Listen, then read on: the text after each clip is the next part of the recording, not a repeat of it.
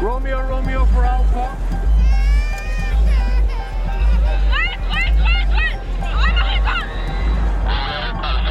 Uppdrag rädda liv. En podd från Läkare utan gränser. Den 24 februari inleddes det senaste kriget i Ukraina. Ryssland attackerade flera städer vilket ledde till ett fullskaligt krig och Läkare utan gränser tvingades ta det smärtsamma beslutet att snabbt ställa om vårt arbete i landet. Från bland annat vård av tuberkulos, hiv och hepatit C till en akut insats. Och sedan dess så har vi bland annat försett sjukhus med material och utbildat personal. Vi har gett grundläggande sjukvård och psykologiskt stöd vid mobila kliniker. Och det är väl ändå vad jag skulle kalla förväntade insatser i en sån här akutinsats. Men så finns det också tågen. För i samarbete med Ukrainas järnvägar så har vi utrustat två tåg med sjukvårdskapacitet för att kunna evakuera patienter från fronten till säkrare platser där de kan få vidare vård. Jag heter Katinka Agneskog och arbetar på Läkare utan gränsers kontor i Stockholm. Och med mig idag så har jag narkossjuksköterskan Monica Hörling som har arbetat på ett av de här tågen. Välkommen Monica. Tack. Du var ju på plats i Ukraina i somras. Vad gjorde du där? Jag jobbade som sjuksköterska ombord det här medicinska tåget då som Läkare utan gränser har haft igång sedan i början på april eller i slutet på mars. Där var jag ansvarig för först och främst för intensivvårdsvagnen där vi hade fem eh, platser och kunna vårda svårt skadade patienter med respirator och annan avancerad utrustning. Sjukvård på räls låter ju som något ganska unikt. Det stämmer, det här är ett helt unikt projekt som Läkare utan gränser driver. Det här tåget är helt ombyggt för att passa den här kontexten. Ehm, och det är förstås väldigt annorlunda att jobba på ett tåg jämförelsevis med att jobba på ett sjukhus. Men det är trångt, det, är, det skramlar och det skakar hela tiden. Och eh, det var väldigt varmt. På tåg går ju vanligtvis inte att öppna fönstren speciellt mycket. Så att eh, det var annorlunda på många sätt. Går det ens att sätta en nål när det skakar fram sådär eller? Jo, allting går men det är lite svårare än i en miljö där ingenting rör sig under fötterna. Och de första av de här tågen togs i bruk redan den 31 mars. Eh, men då handlar det mer om enklare vård ombord på det första tåget. Men sedan dess har vi byggt om ytterligare tåg som har plats för ungefär 40 patienter och där man alltså kan ge mer avancerad sjukvård. Och det var på det tåget som du arbetade på, Monica. Ja, det stämmer. Ja. Men kan du berätta lite mer? Hur ser det ut på ett sånt här tåg? Det är ett gammalt tåg någon gång från 80-talet. Eh, så det är ju inget nytt flashigt tåg precis. Hela tåget är då ombyggt så att det finns inga säten kvar eller några kupéer. Utan det finns eh, istället plats för ungefär 8-10 britsar i eh, varje vagn. Förutom intensivvårdsvagnen då som kräver lite mer utrymme. Där finns det, där har vi plats för fem riktiga eh, intensivvårdssängar. Plus all utrustning som, som krävs på en, för att vårda dessa patienter. Jag imponerades av hur väl fungerande allting var och hur bra man hade eh, byggt om det så att det skulle fungera. Det var ju unikt för den här kontexten. Och en, en sån här resa till fronten tar väl ungefär då 20 timmar jag förstått? Precis, det tar 20 timmar att komma till fronten. Sen så när vi väl kommer fram så stannar vi på olika platser, olika stationer och eh, tar emot patienter. Vi eh, åkte skytteltrafik fram och tillbaka där hela tiden så att eh, vi kanske hade en natt i Lviv där vi utgick ifrån och vilade upp oss lite på. Men annars var det fram och tillbaka hela tiden. Men va, när ni då åkte tänker jag, till fronten, då hade ni ändå 20 timmar utan patienter på tåget. Hur sysselsätter man sig då? Det, det fanns ju alltid väldigt mycket att ställa i ordning på tåget eh, vad gäller utrustning och läkemedel och sådant. Sen så ägnar vi mycket tid till eh, utbildning av personalen. De har ju eh, väl fungerande sjukvård i Ukraina men det behöver anpassas en hel del för att kunna utföras sjukvård på, ombord på tåg förstås. Så att vi hade en hel del utbildning för personalen. Och um, sen kunde vi då få en natts sömn den första natten då på tåget. Innan vi kom fram till fronten på, fram på morgonkanten. Den ukrainska personalen ombord, var det läkare, sjuksköterskor eller? Ja, vi jobbade tillsammans med den ukrainska sjukvårdspersonalen. Många av dem var sjuksköterskor. En del av dem var läkarstuderande. Men eh, utbildningen var nu satt på paus på grund av kriget. Så att nu hade de då möjligheten att komma och jobba med oss på tåget istället. De flesta hade ju inte befunnit sig i eh, och jobbat med krigssjukvård tidigare. Och det var ju väldigt speciellt att arbeta ombord på tåget under dessa förhållanden.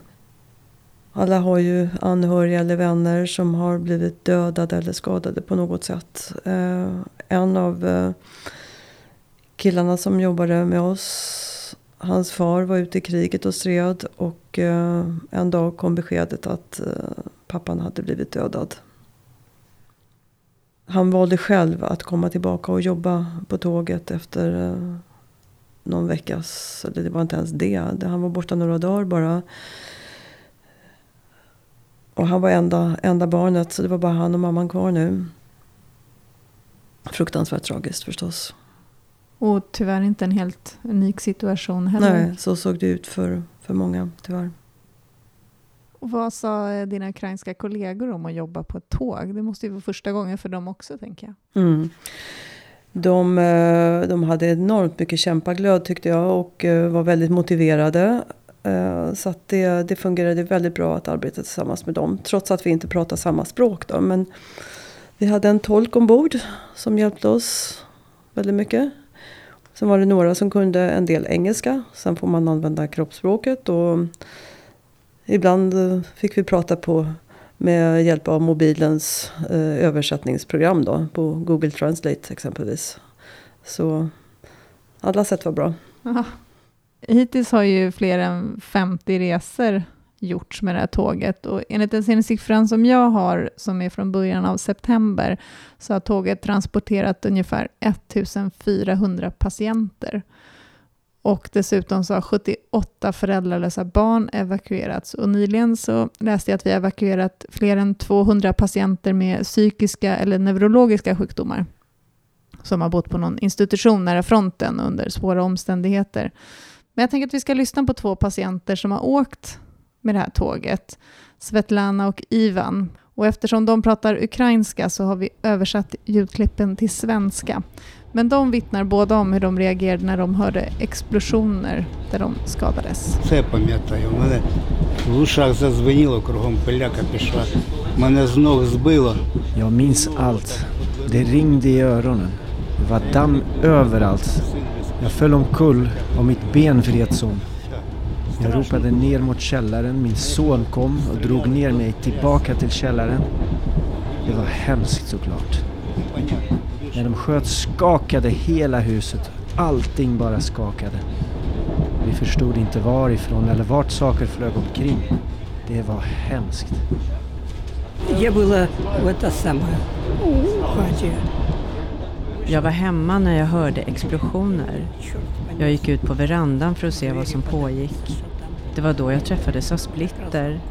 Jag föll och kröp till sängen. Det var en stor pöl av blod. Min arm var bortsprängd.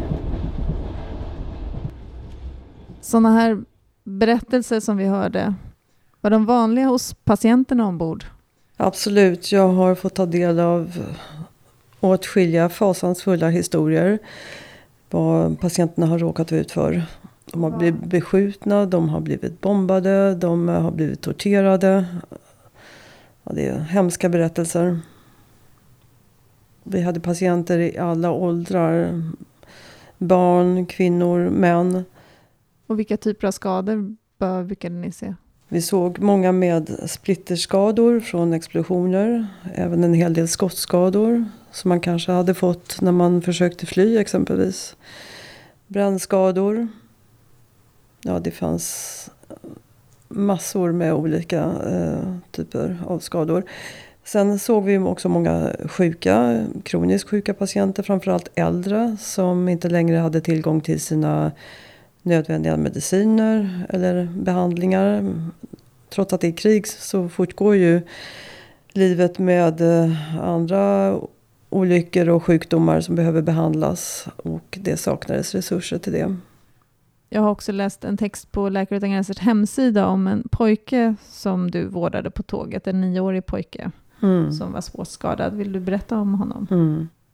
Han var ju en av flera barn som blev skadade på ungefär samma sätt. Den här lille killen hade varit ute på lekplatsen och lekt när det var en raket som slog ner precis intill. Han fick eh, splitterskador mot bröstkorgen och mot armar och ben. Så att ena lungan punkterades. Så att han hade slangar och sladdar överallt. Vi kunde då ta honom till ett sjukhus i Lviv där han kunde få fortsatt vård. Hans mamma reste tillsammans med honom. Eh, hon hade vakat över honom ända sedan det här hände och hon var helt utmattad förstås. Pappan var ute i strid som alla män måste vara i Ukraina just nu.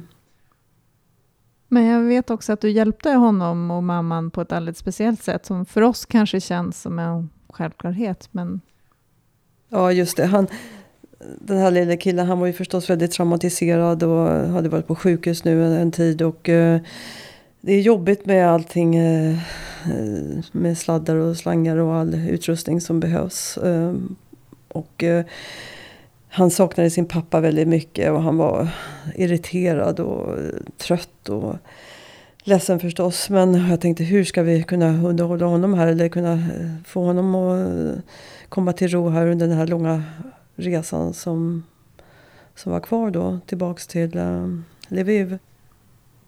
Och jag kom på att jag faktiskt hade en tecknad film nedladdad på min dator. Disney-film Toy Story. Så jag tog in min dator och placerade den i hans säng. Och, eh, så han kunde i alla fall drömma sig bort en liten stund i Disneys värld istället och lämna krigets fasor en liten stund. Och eh, det blev succé faktiskt. Bara det att han fick se en tecknad film med någonting annat som avledde tankarna ifrån eh, alla slangar och sladdar var ju eh, till glädje för honom. Och jag frågade honom, jag, jag, jag kan ju inte så många ord på ukrainska precis, men jag kunde fråga eh, bra. Frå, liksom, frågande så här och visade för säkerhets skull med tummen upp för att han skulle förstå vad jag menade. Och, eh, och han log tillbaka till mig och visade också med tummen upp och, och nickade. Och det var dobra som betyder då bra på ukrainska. det var en fin verklighetsflykt. Mm. Precis, det var det.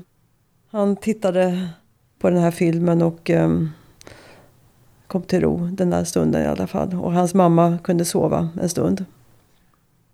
Man får försöka hitta på allt möjligt uh, och vara kreativ på alla sätt när man jobbar ute i fält så här. Så en nedladdad Toy Story är att rekommendera att ha i bakfickan. Det fungerar i alla fall här på tåget och uh, Ja. Men när ni kom fram då till Lviv, där tåget utgick ifrån, eh, vad väntade där för patienterna? Ja, som sagt, när vi kommer fram då till Lviv så står ambulanserna uppradade redo att ta patienterna till eh, sjukhus antingen i Lviv eller närliggande städer eller mm, kanske till och med utomlands. Därifrån så vet jag faktiskt inte vad som hände. Vi fick inte så mycket rapporter vad eh, som hände efter vi hade lämnat av patienterna. Men ett som är säkert är ju i alla fall att de fick eh, bättre vård på säkrare plats än vad vi hade hämtat dem ifrån i östra delen av landet. Men hur skulle du beskriva stämningen på tåget då? Hur många anställda var ni ungefär som, som arbetade ombord?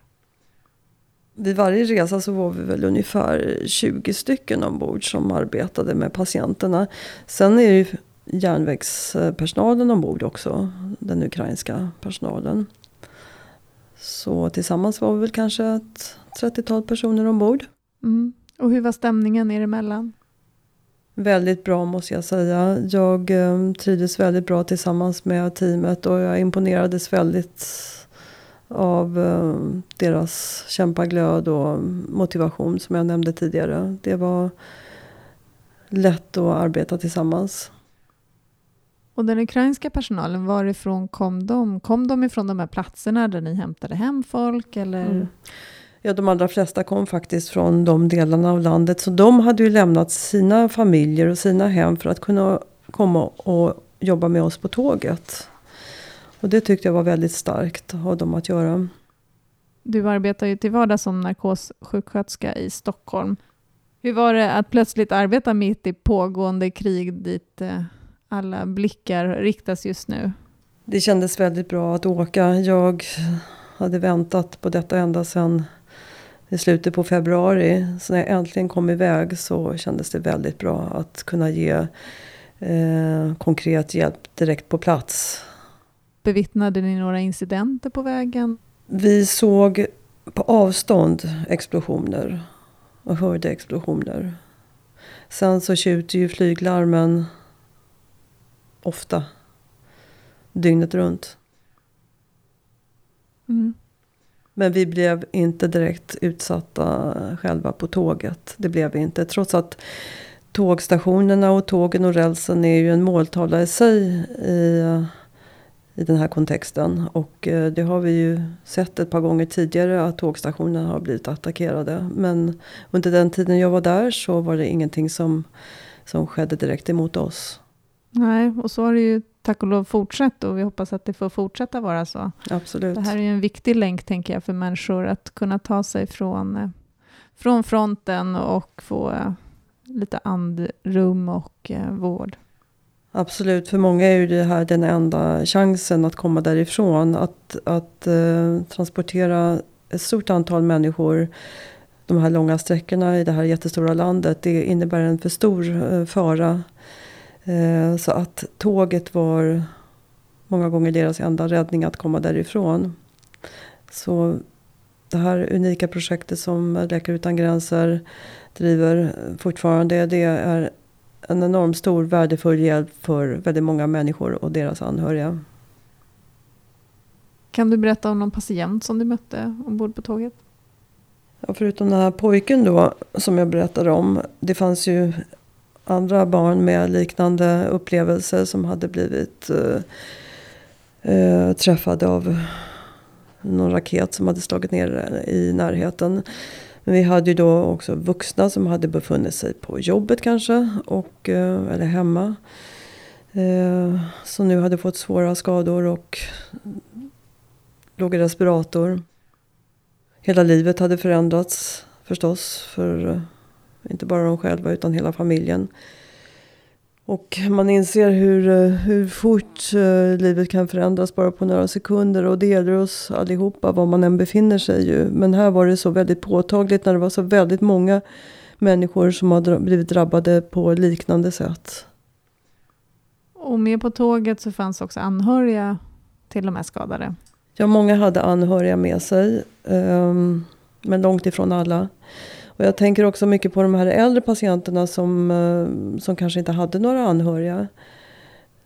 Um, hur svårt det måste vara för dem att komma till en helt ny plats. De kanske aldrig hade lämnat uh, sitt hem tidigare under hela sitt liv. Och nu kommer de till en helt ny del av landet. Och det är förstås väldigt svårt. Ja, det blir dubbelt trauma. Exakt. Och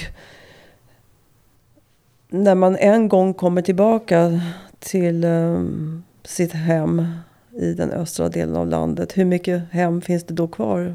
Tänkte jag många gånger. Uh, väldigt många har ju fått sina hem totalt förstörda. Så vad har man då att återvända till? Och det är inte första gången som du har varit utomlands med bland annat Läkare Utan Gränser. Jag vet att du har arbetat i flera konfliktområden och humanitära kriser. Sudan, Nigeria, Afghanistan, Haiti, Palestina, bara för att nämna några. Och varje kontext är unik, tänker jag. Men vad var det som stack ut med att arbeta i Ukraina på det här tåget? Ja, jag har arbetat i väldigt många konflikter och krig och katastrofer. Och eh, det som var unikt för Ukraina det var ju det att, eh, ja även kriget har ju lagar men det var ingenting som respekterades här. Det Det är ganska tydligt när man ser att sjukhus, vårdcentraler, lekplatser, bostäder etc. blir attackerade. Och de du mötte på tåget och dina ukrainska kollegor, vad sa de om framtiden? De hade fortfarande framtidstro och ett hopp om att det här någon gång skulle ta slut. Förstås. Tack Monica för att du kom hit och ville berätta för oss om ditt arbete på tåget. Tack själv för att jag fick komma hit och berätta. Och vi på Läkare Utan Gränser fortsätter såklart att följa situationen i Ukraina och anpassa våra insatser efter behov och förutsättningar. Och vill du som lyssnar veta mer om vårt arbete i Ukraina så kan du läsa mer på vår hemsida lakarutangranser.se och följa oss på sociala medier. Vi finns på Facebook, Instagram och Twitter.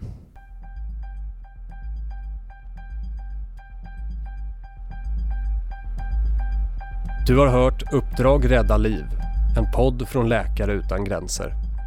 Ansvarig utgivare är Oliver Schultz. Tack till Roll the Dice och Peder Mannerfelt för musiken. Vill du höra fler avsnitt? Du hittar dem där poddar finns eller på www.lakareutangranser.se nyheter poddar.